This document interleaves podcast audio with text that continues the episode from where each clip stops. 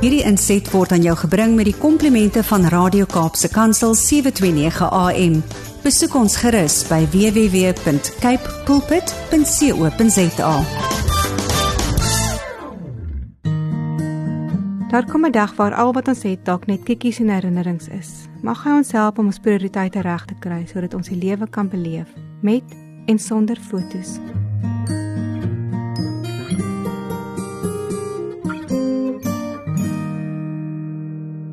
In die wêreld saam met God.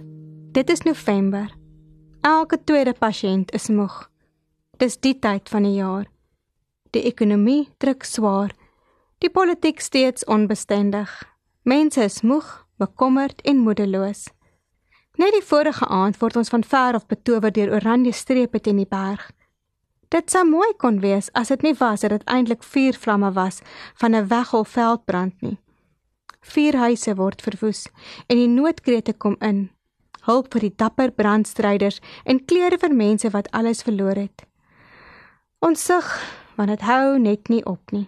Die een slegte berig na die ander. Ons pleit soos die digters in die psalms. In my stilte tyd die volgende oggend val my oog op die opskrif in Johannes 17. Jesus bid vir sy disippels. Dis nogals 'n lekker gedagte wat my hart laat warm klop. Dat Jesus regtig ook iets verstaan van die vreemde wêreld waarin ons leef. Tog verras hy gebed ons op 'n manier. Hy bid nie eintlik vir die wêreld nie, maar vir ons.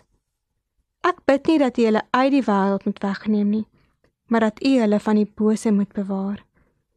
Ek blaai na die stukkie in Efesiërs oor die wapenrusting. Dis die gereedskap wat die Here vir ons gegee het om staande te kan bly. Die waarheid, God se vryspraak, die bereidheid om die evangelie van vrede te verkondig, geloof, verlossing en die woord van God. Die Here maak ons nie passief in die wêreld nie. Hy vat ons ook nie uit hierdie wêreld nie.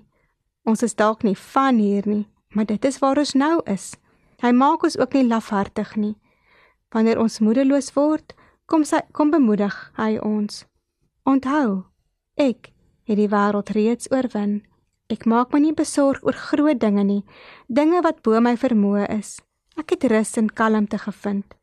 Soos 'n kindjie wat by sy moeder tevredenheid gevind het, so het ek tevredenheid gevind. Wag op die Here Israel, nou en vir altyd.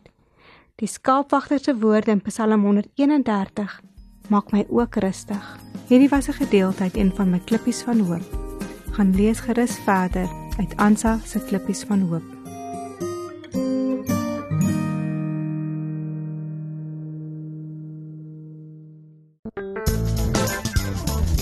Hierdie inset was aan jou gebring met die komplimente van Radio Kaapse Kansel 729 AM.